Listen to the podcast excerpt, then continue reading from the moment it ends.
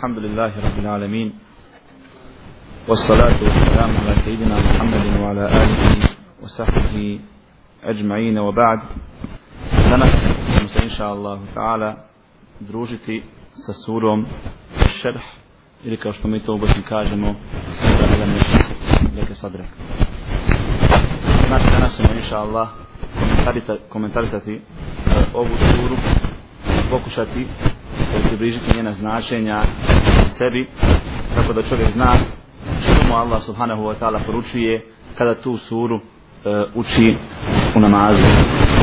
Vrlo bitno je da svaki čovjek koji ne poznaje arabski jezik koji ne poznaje i ne razumije direktne poruke iz arabskog jezika da čita prevod barem onih sura koji uči u namazu da bi mogao biti koliko toliko skrušen u namazu.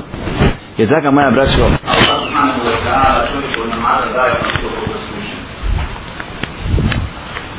znači insan koji klanja 10 minuta Allah subhanahu wa ta'ala mu namaza upiše onoliko koliko je bio u njemu sklušen. ako je to bila minuta dobije minutu od namaza. Onih devet mu Allah ne priznaje.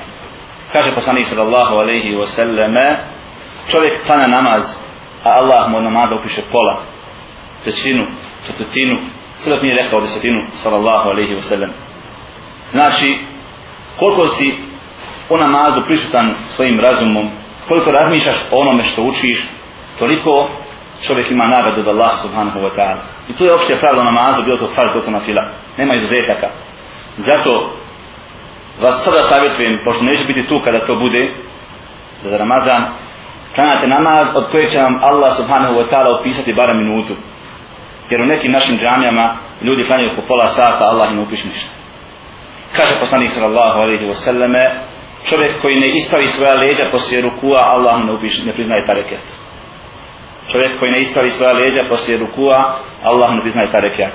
što znači ne priznaje taj namaz što je slučaj kod nas sa teravijama gdje ljudi pokušavaju da što brže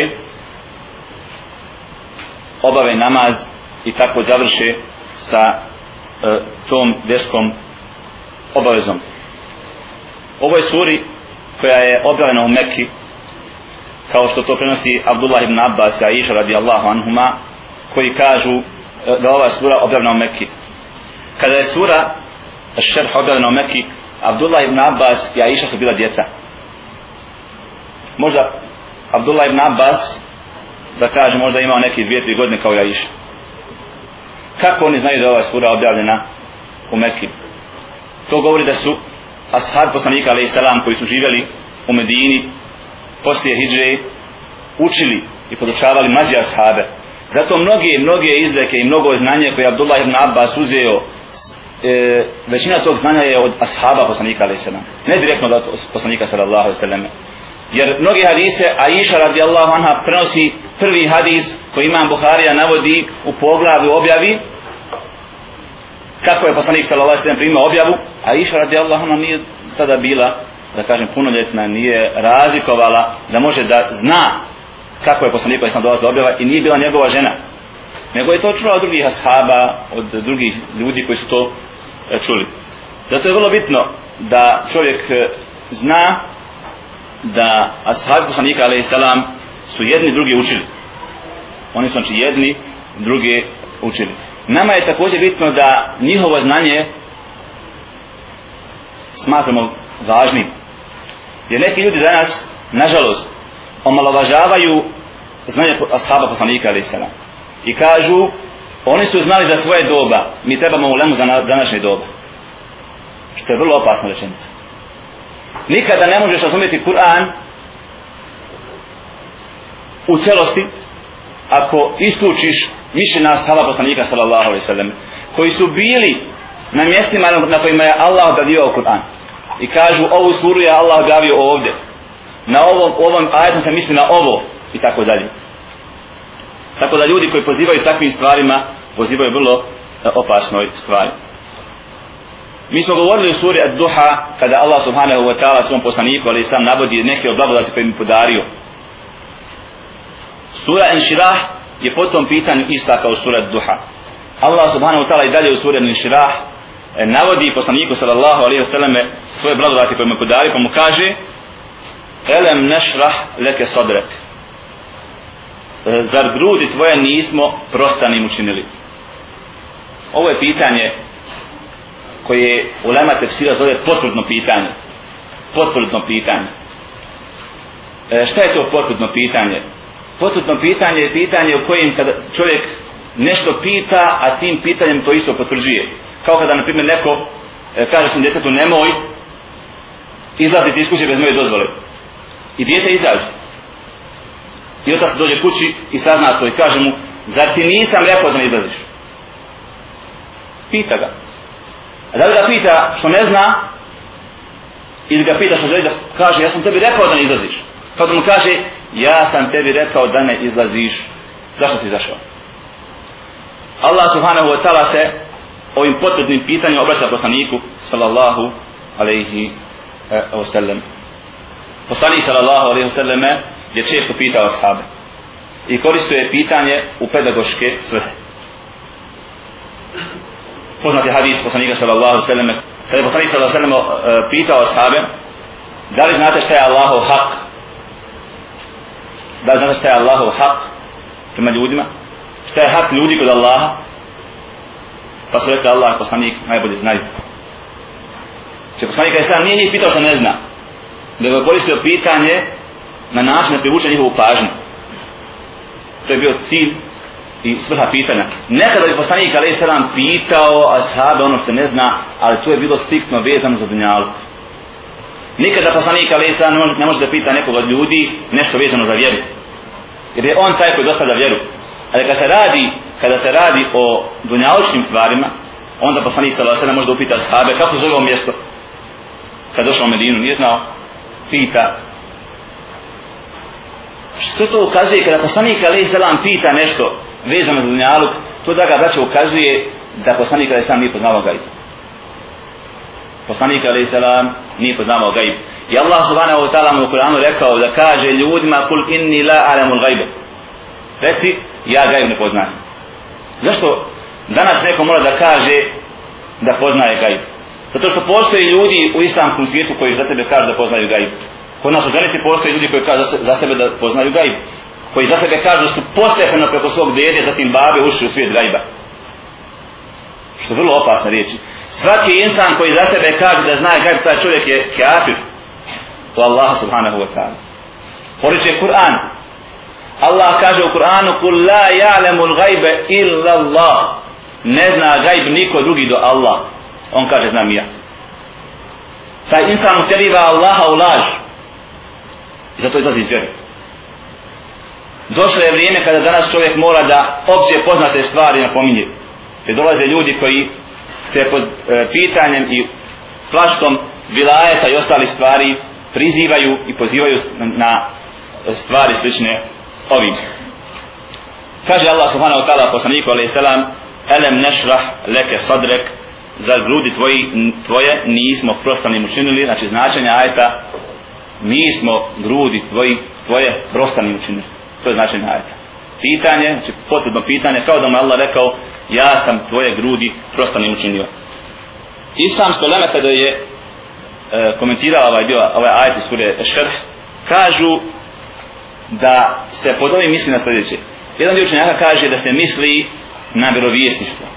Kaže Allah je poslanikova prsa prostanim učinio da može da mogu njegova prsa da prihvate misiju vjerovijesništva. Jer običan čovjek bez pomoći Allaha ne može biti vjerovjesnik. Ne može izdržati sve što od njega vjerovjesništvo zahtjeva. Zato je Allah subhanahu wa ta'ala učinio prsa poslanika i sedam prostanim da može podnijeti sve ono što će ga zadesiti na putu širina islama.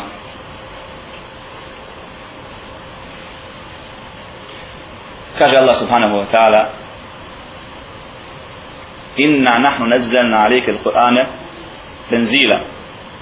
Mi smo ti doista spustili Kur'an pa kaže poslaniku alaihi sallam fasbir li hukmi rabbik. Strpi se. Strpi se kada je dođe odredba gospodara svog. Kaže mu, ja sam ti podario Kur'an što je blagodat, a posle mu kaže strpi se na tu blagodat. čovjek se inače strpljuje treba biti strpljiv kada se radi o teškoći i nevoljama a ne o blagodatima. Ali Kur'an kao blagodat koje prihvati to je blagodat koja za sobom vuče teške posljedice. Zato Allah kaže poslaniku strpi se. Ne kaže mu raduj se. Ne kaže strpi se. I kaže mu drugom ajetu inna se nulqi alejke qawlan thaqila mi ćemo tebi objaviti težak govor. Težak govor. To je bilo prvo mišljenje učenjaka drugo mišljenje kažu da je da se ovdje misli da je Allah subhanahu wa ta'ala učinio prsta poslanika sadam širokim da mogu da njegova prsta mogu da prihvate znanje koje će mu Allah subhanahu wa ta'ala podariti i koje treba da dostavi e, ljudima. E, treći dio učenjaka kaže misli se na podnošenje stvari kojima će nevjernici iskušati poslanika ali i sada podnošenjem iskušenja kojima će poslanik ali i biti iskušan. Kad god draga braća budete čitali tesiru i najidete da ulema ovako navodi možda je ovo, možda je ovo, možda je ono kažu mu fesir sve to je tačno. Sve to je tačno jer ništa od toga nije kontradiktorno. Ništa od toga nije kontradiktorno. Kada Allah subhanahu wa ta'ala kaže ovako ajet mi smo tebi tvoja prsta prosto ne učinili pa čovjek kaže misli se na ovo jedan kaže misli se na ovo te stvari nisu kontradiktorne. Jer može, Allah subhanahu wa ta'ala možda je poslaniku ali selam učinio prsta prostranim za sve te stvari zajedno. Pa je nekom učenjaka došla, došao do, ovo, do ove spoznaje drugi do ove spoznaje tako da se sve te spoznaje zajedno tačne jer nisu nisu kontra, kontradiktorne. Abdullah ibn Abbas kaže da se pod e, prostanim prsima misli na dan kada je, kada je poslanik Islam bio dijete i kada mu je Žibril a.s. kod Halime Sadije, njegove dojilje, došao i očistio srce. I njegova prsta otvorio.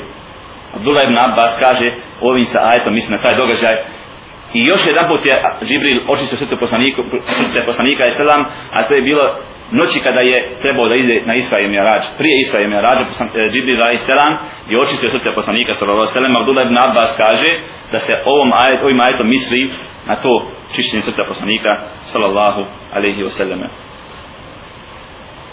U drugom ajetu kaže Allah subhanahu wa ta'ala: "Wa wada'na anka i grijeh tvoj s tebe skinu. Riječ u vizor na arabskom označava grijeh. Riječ u vizor na arabskom označava grijeh. Kakav grijeh je imao poslanik alaih salam? Prvo, nijedan vjerovijesnik ne može počiniti veliki grijeh. Nijedan vjerovijesnik ne može počiniti velike grijehe. Allah subhanahu wa ta'ala štiti sve poslanike. Čak i kada su djeca, dok ne postanu poslanici, oni su zaštićeni. Ne mogu počiniti velike grijehe koji je Allah subhanahu wa ta'ala zabranio. I mi znamo da poslanik alaih salam bio zaštićen u svojoj mladosti od velikih grijeha. I u siri se spominju događaji koji to, koji to potvrđuju. Kažu Lema, pod grijehom poslanika se misli da urade stvar, a postoji stvar bolja od te. Poslanik alaih salam je poslije bitke na Bedru zarobio 70 mušlika. Jedan dio sahaba sam je sam govori da, da ih pobije sve. Od njih je bio Omer. Drugi dio sahaba je govorio poslaniku alaih salam da ih otkupi, da traže otkuprinu od njih, da ih ne pobije. I poslanik alaih salam je prihvatio drugo mišljenje koje je zastupao također mu Bekr. Kada je poslanik alaih salam uzeo otkupninu i pustio te mušrike, Allah subhanahu ta'ala ukorio. Ukorio potvrđujući da je mišljenje Omera bilo bolje da se ti ljudi pobiju. Znači u ovom slučaju poslanik je samo uradio stvar koja je dobra, ali bila je bolja od nje. Kada se kaže grijeh poslanika, misli se na, na ovakve situacije, kada poslanik uradi nešto, a mogu je uraditi bolje od toga. Također sam sučenjaci kažu da je grije grije se razlikuje od osobe. Grije, i veličina grijeha se razlikuje od osobe. Kako to? Dvije osobe urade isti grijeh. Allah kazni prvu više od druge. I svoje pravednosti. Iz pravednosti Allah subhanahu wa ta'ala je da isti grijeh primjer radi da kažemo uh, čine neki haram kao što je kamat. Jedu kamatu dva insana uzeli isti kredit kamatni istu količinu novca prvi je više grešniji od drugog. Kažu učenjaci zašto? Zato što je prvi bio učenjak a drugi neznalica. I sve što je čovjek bliži Allahu njegovi su mali grijesi kao veliki ono koji je dalje od Allaha. Zato kažu mali grijeh od velike osobe je veliki grijeh. Mali grijeh od velike osobe je veliki grijeh. Je kao veliki grijeh? Od osobe koja nije toliko učena. Zato kada poslanik uradi mali grijeh a on je kod Allaha subhanahu wa ta'ala velika osoba to se smatra velikim grijem kod nas, kod nas u ljudi je tako isto. Kada imamo dva prijatelja, imamo dva čovjeka jedan ti je prijatelj, drugi ti nije prijatelj. Pa ti jedan nešto ružno kaže koji ti nije prijatelj to se ne naljuci a kada mu to kaže njegov prijatelj koji mu je bliži čovjeku to bude teže Čovjeku bude teže jer je sa tim čovjekom bliži. Od tako da kažemo mali grijeha koje je poslanik kada je sam počinio je događaj sa Abdullahom ibn Umi Mektumom čovjekom koji je bio mezin poslanika alaih salam koji je u Mekki dolazio poslaniku je salam da čuje od njega Kur'an da ga poduči poslanika alaih salam vjeri. Ali je poslanik je salam jedne prilike bio obuzet jednim e, uglednim čovjekom iz plemena Kurejš pa kad je došao Abdullah ibn umm- Umi Mektum poslanik je samo krenuo glavu od njega i namrgodio se što je došao baš u tom momentu Pa je Allah subhanahu ta'ala objavio suru Abese, rekao mu Abese, o te wala. Korio ga, kaže, namrgodio se i okrenuo se. Koji se poslanika je selam. džajahu l'a'ma, zbog toga što mu je došao slijepac, Oma je drike lallahu je zekka, a šta ti znaš, možda on se očisti i prihvati uputu. Je Allah subhanahu ta'ala kori poslanika Islam samo majetima, ovim majetima, zato što je poslanika i samo krenuo glavu od čovjeka koji mu došao tražiti istinu, a išao za osobom koja je odbijala istinu. Znači, to su ti, tako da kažemo, mali grijesi koji, na koji se misli u ovom, ovom ajetu.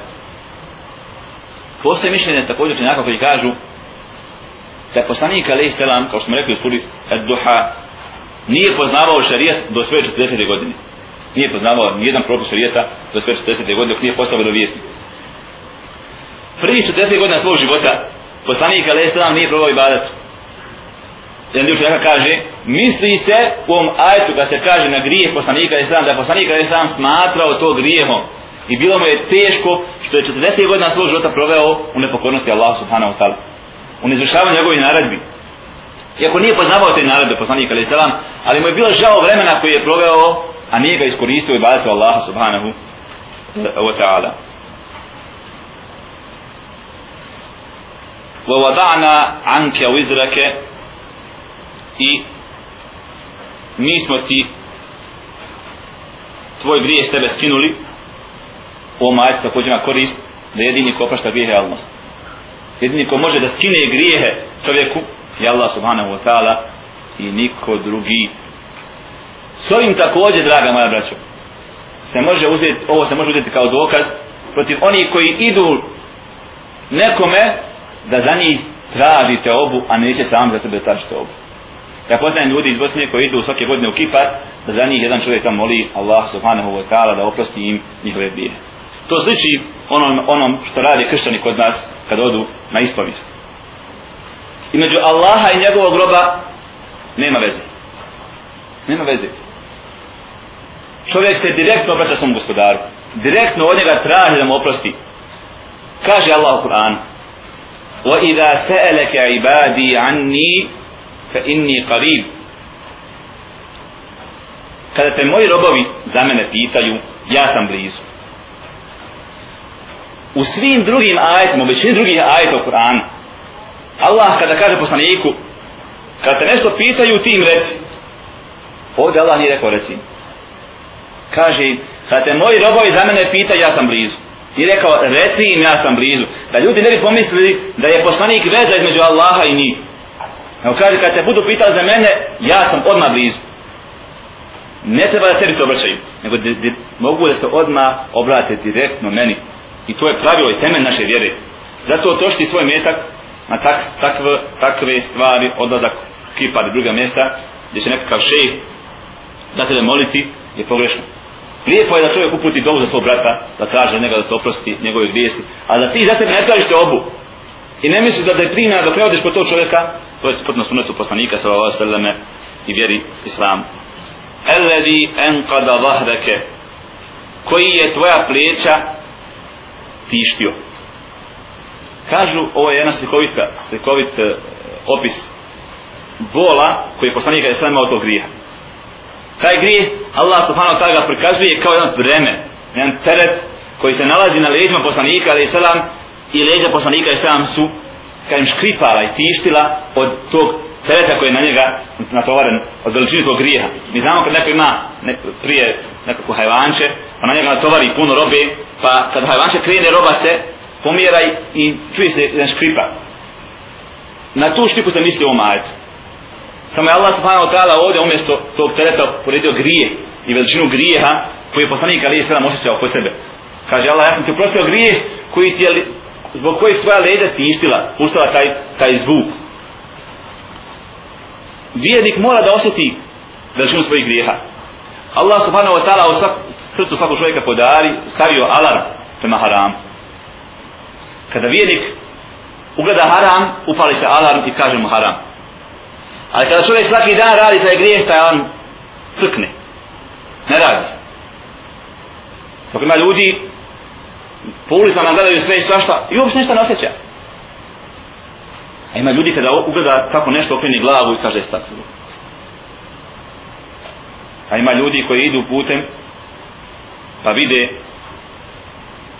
neku osobu i kažu Estagfirullah pa kaže mu baj do njega šta je bilo, kaže vidi pa se ovaj okrene vidi on haram jedan mislim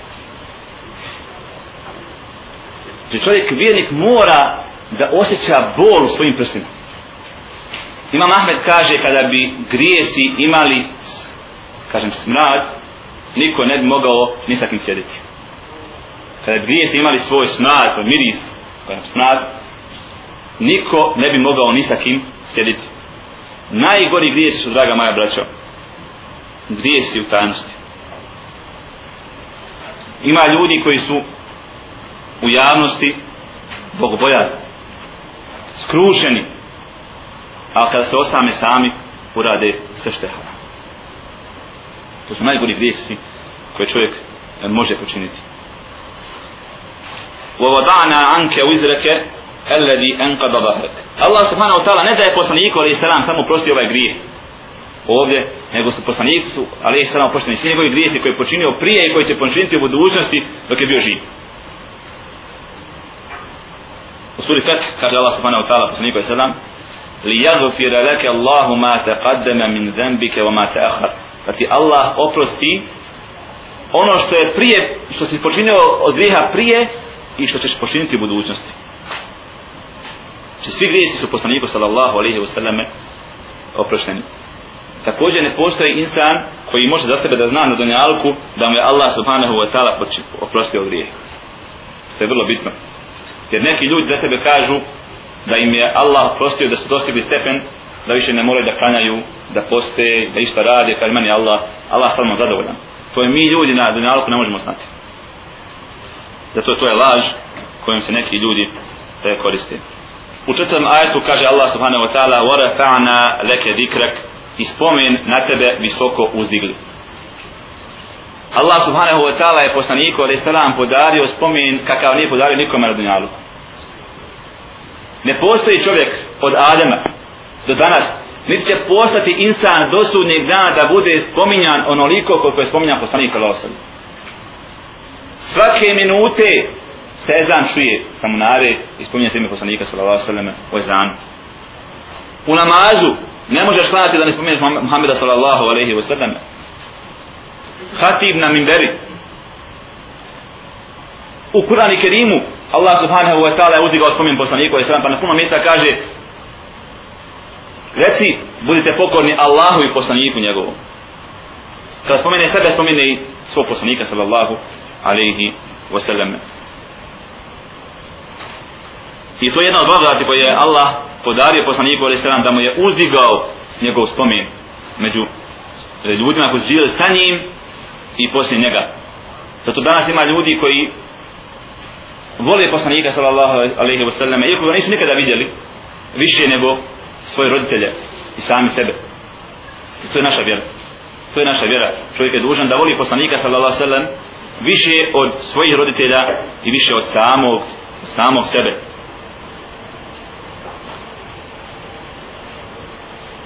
Fa inna ma'al usri yusran inna ma'al usri sa teškoćom ili tegobom dolazi olakšica. Doista sa teškoćom dolazi olakšica. E, e, malo ćemo sad se pozabaviti jednu minutu samo arapskim jezikom da bi shvatili e, e, značenje ovog ajeta. U arapskom jeziku draga moja braćo e, učili smo jednu poznatu riječ kao što je mesčid, džamija. Mesčid u arapskom jeziku je riječ koja može doći u dva oblika. Prvi oblik je da bude određena i drugi oblik je da bude neodređena. Određena bude ako sa njom jednom primjera određenosti riječi je da bude e, ispred nije prefiks el. Da kažemo el mesjid. U tom slučaju je ta riječ određena. Ako nema tog prefiksa ta riječ je neodređena. Zato na primjer kada nekom kažem bio sam u el mesjidu on mora da zna o kojoj džami ja govorim. A kada mu kažem bio sam u mesjidu on ne zna o kojoj džami ja govorim. I to je vrijednost to el na početku riječi. Što određuje riječ kada je određena poznaje onaj ko priča sa, sa kim priča kada je neodređena poznaje samo jedno drugi ne poznaje.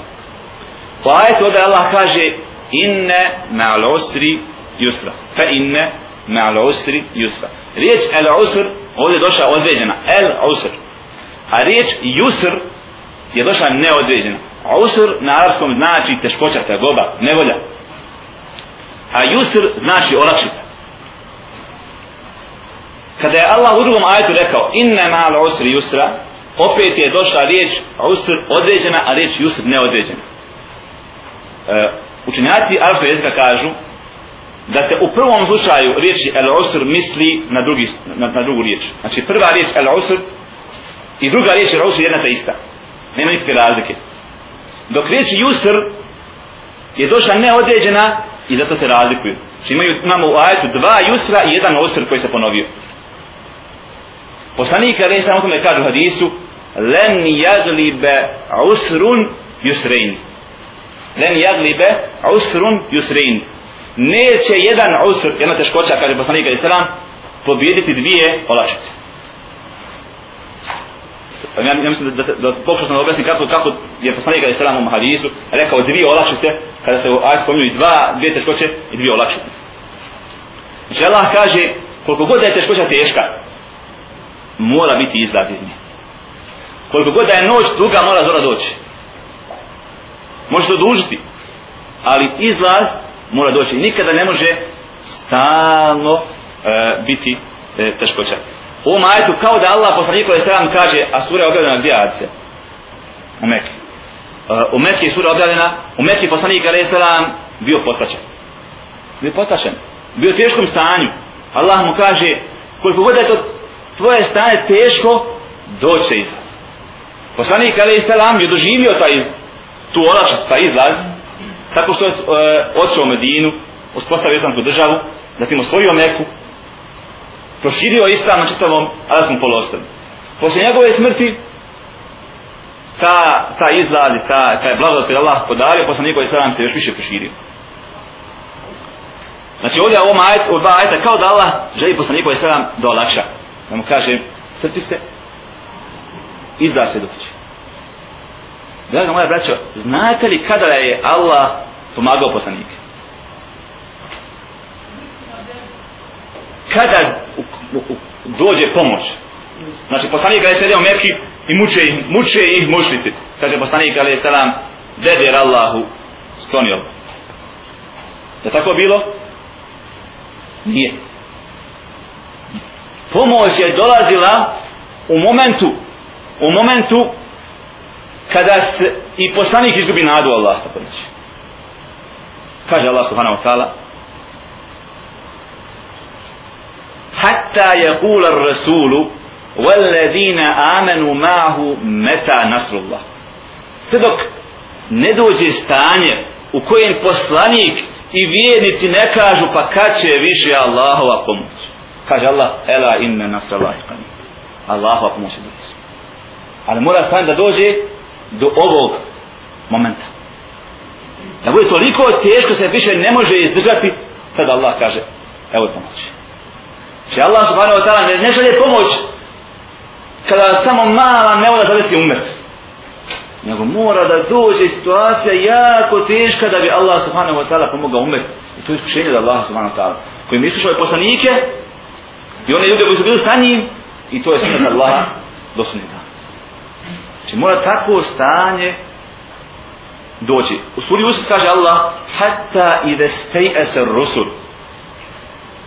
kaže čak su poslanici izgubili nas وظنوا أنهم قد كذبوا i pomislili su da će biti utirani u laž od ljudi da će, oni znaju da su poslanici a tako je stanje došlo da su mislili oni da će ovi nevjernici ih utirati u laž i da će oni pobjediti hatta ila stayasa rusulu wa dhannu annahum qad kudibu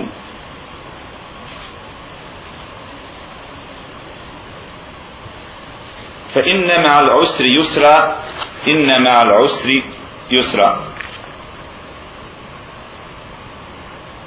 حتى إذا استيأس الرسل وظنوا أنهم قد كذبوا جاءهم نصرنا فنجي من نشاء kada poslanici izgube nadu i pomisle da su terani, dođe i naša pomoć. I mi spas koga mi hoćemo, kaže Allah subhanahu wa ta'ala. Faragta fansab wa ila rabbike fargab a kad završiš moliti se predaj i samo se gospodaru svome obraćaj kaže Olema, kada završiš to jeste završiš od dunjalka od dunjalskih poslova posveti, se Allah. Kada obaviš dunjalske poslove znači isla, vjera islam ne poziva ljude samo da robuju samo da sjede u džamijama čekaju humanitarnu pomoć nego da rade, pribrežuju i kada završe dunjalske obaveze posveti se Allah. To je prva stvar. Druga, drugo značenje kaže učenjaci kada obaviš obavezne svoje dužnosti koje ti Allah propisao, onda se posvijeti na filan. Onda se posvijeti e, na filan. Opet ćemo primijeniti ono pravilo koje smo navjeli na početku predavanja, a ono je glasilo da kada Olema navodi ovako da se ajet odnosi na ovo i ovo i ono, ajet odnosi na sve prethodno spomenuti. Znači, bez obzira, Olema kaže kad završiš namaz, doli. Jedno značenje koje su naveli. Kad završiš faz, e, kada je na filu i svijete na fili, kad završiš obaveza sa dunjalka, pa posvjeti se ahiretu, sva ta značenja su tačna. I na sva ta značenja upućuje ovaj ajet iz sure Ešerh. I na kraju ajeta kaže Allah wa ila rabbike farghab i samo se gospodaru svome obraćaj.